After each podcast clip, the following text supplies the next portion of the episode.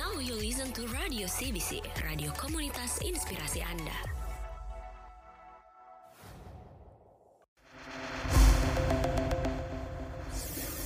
CBC Inside. Halo Sobat CBC, gimana nih kabarnya semua? Semoga kalian sehat-sehat selalu ya Yang di rumah, yang di kantor, maupun yang lagi di perjalanan nih dengar podcast kita. Berjumpa lagi di episode CBC Insight bersama Teguh Muji. Nah, seperti episode-episode CBC Insight sebelumnya nih Kali ini kita masih kedatangan bintang tamu yang tentunya akan menambah wawasan kita nih teman-teman Memperluas lagi wawasan kita Bersama Teguh yang sudah hadir bersama bintang tamu yang cantik, pintar, dan imut Pokoknya bintang tamu ini kalau dibahas masalah tulis-menulis Dia jagonya nih teman-teman Nah, oke tanpa basa-basi, yuk kita langsung kenalkan. Ini dia Karisha Marenu. Halo Kak. Halo, Apa kabar? alhamdulillah baik. Gimana nih perjalanannya tadi menuju ke sini, Kak? Lumayan ya, lumayan agak macet sih sedikit karena sempat hujan ya. Hujan ya, Kak. Mudah-mudahan walaupun hujan, semangat kita tetap on ya, Kak. Harus dong. Harus dong. Kak, boleh kenalan dong sama sahabat-sahabat CBC. Mungkin ada yang belum tahu nih Karisha nih siapa sih sebenarnya? Karisha Marenu ini siapa nih? Mungkin boleh kenalan, Kak. Oke, jadi sekarang mengajar di Unhas. Unhas? Eh, ya, di Fakultas Ilmu Budaya. Oh, keren, keren, keren. Kebiasaan sehari-harinya Kakak apa? Ya, sekarang kan lagi ngajar ya. Iya, Jadi aktivitasnya memang kebanyakan di kampus dan Hmm. kalau menulis itu ya di sela-sela waktu lah. Salah salah waktunya. Apa sih hobi kakak selain menulis? Saya suka nonton sama sekarang sih lagi belajar musik Apa sih. tuh kak? Wow, Eh, musik. Biola. ah, ah. Uh, udah cantik, udah pintar main musik. Aduh, nih teman-teman. Nah, seperti yang sudah disebut sama Karisha nih, kalau beliau ini merupakan seorang penulis dan katanya Karisha ini juga bergiat di komunitas puan seni ya kak. Iya. Boleh diceritakan dikit nih kak, barangkali ada sahabat-sahabat CBC yang masih belum tahu nih komunitas puan seni itu gimana sih? Seperti apa kegiatannya di dalam? Ya, baik. Jadi eh, Puan Seni itu sebenarnya berangkat dari komunitas perempuan. Jadi kita Iya, mau Kak. mengangkat hal-hal mengenai perempuan, khususnya tentang kesenian. Jadi entah itu menari, teater, Hmm. eh, seniman-seniman perempuan seperti itu. Jadi Bukan kayak konseling gitu nggak sih kak? Eh, Antara perempuan dan perempuan lain. boleh juga, Boleh boleh, juga. Ah, saling berbagi. Jadi sebenarnya Oh. komunitas itu kita bagaimana saling berbagi dan kami saling berangkat bersama Iya, Kak. gitu. Ah, jadi sekarang itu lagi ingin data beberapa daerah untuk komunitas ini semakin dikenal gitu aja. Apa cuman perempuan doang yang kak yang bisa masuk di puan seni ini? Hmm, transgender juga ada. Wow, Heeh. transgender guys, transgender juga bisa masuk. Iya, Jadi perempuan-perempuan yang di dalam nggak ada yang maksudnya siapa tahu ada yang risih kak soalnya dia dulunya kan latar belakangnya laki-laki. tidak sama sekali sih sebenarnya. Oh tidak kira. Baru-baru ada parade seni tanggal 18 Desember itu. Jadi mereka juga ikut bergabung dalam parade itu. Hmm. Ah, Keren keren. Oke kak, aku dengar-dengar Karisha ini beberapa kali menerbitkan buku antologi cerpen dan puisi ya kak.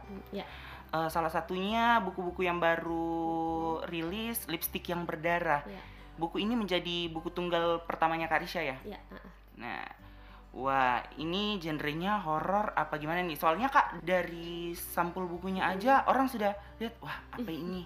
Genrenya apa ya ini? Mungkin horor, komedi atau love, Ya, family atau gimana nih kak? ya beberapa eh, teman-teman pembaca sih eh, lihat dari covernya kiranya horor gitu. Horor.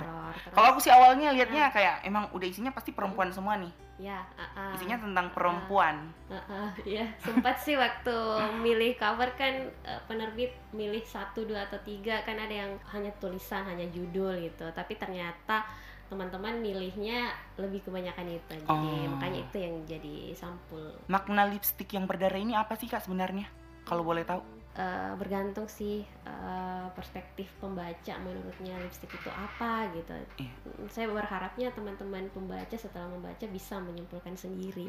Nah, Oh, tapi seperti Teguh bilang tadi, perempuan ya memang isinya semua tokohnya perempuan. Tokonya perempuan semua ya kak. Iya. Oh. Nah, kalau mau ulek-ulek dikit nih soal bukunya, boleh nggak kak spoiler sedikit tentang buku ini sama sahabat-sahabat CBC yang lagi mendengarkan podcast kita? Ya baik, eh, jadi sahabat-sahabat CBC, jadi sebenarnya ini adalah kumcer, kumpulan cerpen, isinya ada sembilan Hmm. dan eh, tokohnya perempuan semua. Jadi sebenarnya ini saya mengangkat eh, ide tentang kebudayaan yang ada di Sulawesi Selatan. Jadi saya pikir bukan hanya tokoh perempuan yang ada di Jawa misalnya, di Aceh gitu yang kita kenal, tapi eh, Ternyata banyak ya Hmm. tokoh-tokoh yang lain. Ya, kita juga punya banyak tokoh-tokoh perempuan di Sulawesi Selatan itu yang itu yang masih uh, minim yang diketahui oleh uh, masyarakat gitu. Jadi saya mengangkat terus saya uh, riset, riset sedikit gitu uh, ke beberapa tempat dan uh, referensi bacaan untuk uh, membuat kuncer ini. Teguh sendiri yang sudah baca, wah Hmm. ternyata banyak ya. Wah, apalagi di balik dinding Stella Amaris tuh kak. Ah. Wow, ternyata saya baru tahu ternyata ada di balik itu kisahnya Hmm, tokoh siapa tuh? Alma, Alma. Alma dan siapa tuh kak Roy, Oke. Roy ya kalau nggak salah. Nah, Teguh udah baca. Nah. Sebenarnya mengangkat tokoh perempuan nasional kemarin yang gugur, Oh. gugur eh, selama masa penjajahan Belanda. Kalau boleh tahu kak, ini semua satu riset atau gimana kak? Beda-beda.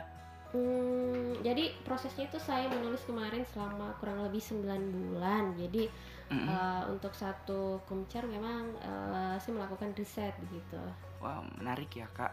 Teguh jadi penasaran nih kak, gimana sih Kak Risha sampai bisa menerbitkan buku pertamanya ini? Berawal dari apa Kak Risha akhirnya memutuskan untuk menulis buku ini? Apakah memang hobi atau sudah dari kecil pintar menulis? Gimana tuh kak? Hmm, kalau hobi dan minat memang eh, suka menulis eh, dan suka menghayal. gitu. Suka menghayal. Nah, jadi jangan Dari kecil. patahkan sebenarnya itu kalau orang suka menghayal gitu. Karena bisa berangkat dari eh, hayalan imajinasi menjadi sebuah karya gitu. Iya. Tapi kalau ditanya eh, mulai menulis, iya untuk pertama kalau sebelumnya saya kan sering nulis di media gitu Iya kak. dengan kumpulan-kumpulan cuman ini saya sudah berani untuk buku tunggal ini jadi pertama memang hobi Hobi. terus eh, yang kedua memang saya mengangkat konsep tentang perempuan dan eh, budaya lokal jadi itu yang ingin saya sampaikan ke teman-teman Yang bantu Kak Risha selama ini, yang support Kak Risha siapa tuh kak? Mungkin bisa berterima kasih lewat podcast ini, nanti dia dengar podcast kita, aduh.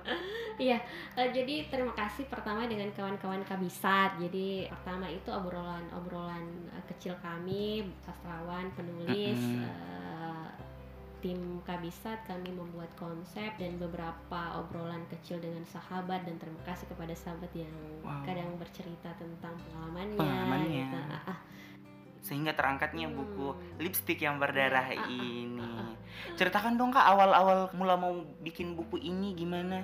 mulai nulis itu tahun lalu jadi Iya, sebenarnya Kak. saya sudah ada beberapa eh, kadang saya sebutnya bank gitu bank Bank. cerpen bank tulisan gitu Iya. terus eh, saya kumpulkan terus teman-teman eh, baca akhirnya oh bagaimana kalau buat konsep yang baru gitu Nah, akhirnya oh iya ya saya kayaknya tahun lalu eh, ya mulai tahun lalu saya mau buat buku tentang perempuan deh saya mau sekali suarakan tentang perempuan gitu sebenarnya Wow, itu awal-awal pandemi ya kak? Eh, iya, ah, saya mulai nulis. Oh, eh, Tahun lalu. ah, ah, tahun lalu pertengahan mulai nulis gitu. Dan saya sangat menikmati gitu menulis. buku ini. Makanya semua penikmatnya saya juga sangat terjun ke buku ini kayak wah keren banget nih buku. Ah, terima kasih. Mau tahu dong kak, kira-kira sebagian besar kakak nulis novel ini terinspirasi dari mana tuh kak? Apalagi aku baca dikit-dikit bahasanya agak dimix ya kak dengan bahasa Makassar seperti pada bagian setangkai rasa terkait pasapu. Mm-mm. Nah dan bukan hanya itu kak, ada banyak bahasa-bahasa Makassar yang lainnya tercantum di buku ini. Hmm, ya oke. Jadi kalau pertama ditanya inspirasi, inspirasinya yaitu perempuan gitu. Eh, kita tahu bahwa kita itu eh, budaya patriarki Iya. ya. Jadi itu konsep yang saya mau angkat bahwa eh, salah satu tulisan situ kan ada tentang ratu tuh ratu Imaneng dari Bone. Saya mau suarakan bahwa kita juga punya tokoh ratu pada zaman itu. Eh, meskipun Punya eh, banyak toko sebenarnya. Ya, ah, kita punya banyak tokoh perempuan gitu eh, di Sulawesi Selatan. Nah, itu yang saya angkat, saya mix ceritanya dengan masa kini dan beberapa alur cerita seperti itu. Terus yang kedua pertanyaannya adalah diksi Makassar.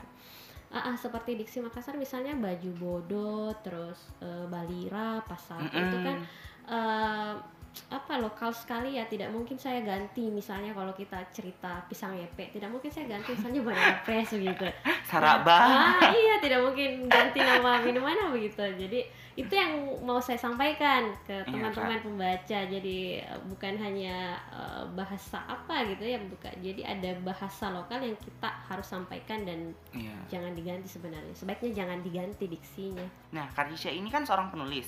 Siapa tahu ada nih sahabat CBC yang pengen juga memulai karirnya seperti seorang penulis seperti Karisha ini. Kalau berdasarkan pengalaman kakak waktu nulis novel ini, apa sih hambatan atau tantangannya selama menulis buku ini? tantangannya itu sebenarnya ketika riset dan riset itu ada beberapa hal atau eh, yang saya butuhkan datanya dan itu yang tidak ada seperti Oh. itu Eh, sangat terbatas apa Sangat terbatas. kemarin kan masa pandemi gitu ah, Kalau di internet ada ya, Kak?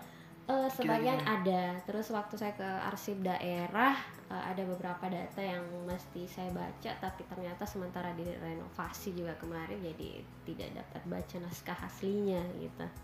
Oh iya, Kak. Eh, apakah menjadi penulis itu em- memang harus memiliki skill khusus? Jadi gimana nih, Kak? Eh, pertama kemauan dulu ya. Kalau Kemauan dulu. ah, ah, Kalau ada niat ya, Kak. Mm-mm. Niat yang paling pertama sih. mm-mm.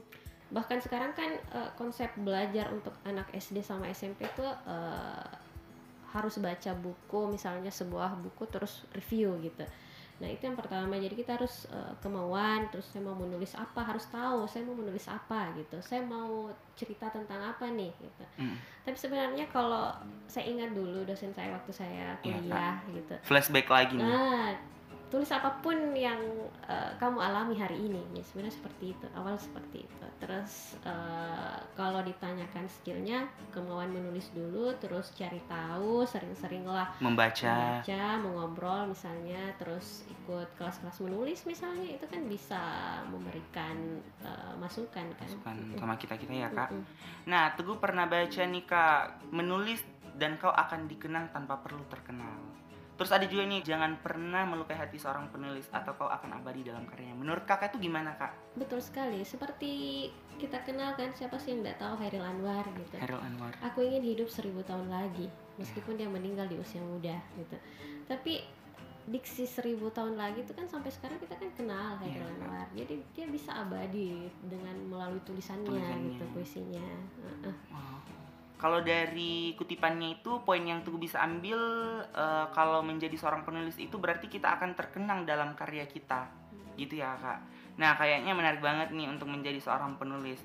Kalau dari Karisha boleh dong kasih tips agar terus konsisten menulis sekaligus boleh kasih closing statementnya nih buat sahabat-sahabat CBC yang mendengarkan podcast kita di rumah. Oke tipsnya eh, apa ya pertama itu literasi gitu jadi Literasi. ah, baca buku Baca buku. eh, Sering ke perpustakaan teman-teman. hmm, Jangan tapi- cuman tapi pergi nongkrong doang. Iya tapi sekarang kan gawai sudah di tangan kan, jadi Iya. bisa baca juga lewat gawai gitu. lewat gadget apalagi sekarang Mm. ada media sosial di mana-mana Mm. sudah bisa membaca Mm-mm. teman-teman Eh, apalagi sekarang kan bisa unduh tuh eh, buku kan. Eh, Iya. eh, Terus kalau ditanya eh, membaca sebenarnya bukan hanya baca buku, tapi ketika kita berliterasi dengan lingkungan sekitar gitu, eh, berempati. saya mendapat pikir- banyak cerita dari Ah, orang-orang iya, itu juga literasi gitu. wah menarik banget ya eh, pembahasan kita hari ini kak nggak kerasa nih kak udah segmen terakhir sama Kak Risha Ah, kayaknya terasa sebentar sekali nih saya sama Kak Risha iya. ini Oke, Teguh mau mengucapkan banyak terima kasih kepada Karisha yang sudah meluangkan waktunya untuk hadir. Walaupun baru berapa menit nih Kak podcast kita, tapi sangat bermakna sekali untuk saya dan teman-teman yang ada di sini, teman-teman sobat-sobat CBC yang mendengarkan, mungkin sangat bermakna dan Iya. bermanfaat. Terima kasih dan makasih juga buat sahabat-sahabat CBC yang sudah mendengarkan kita. Sekian podcast kita kali ini, sampai jumpa di podcast episode selanjutnya. Bye bye.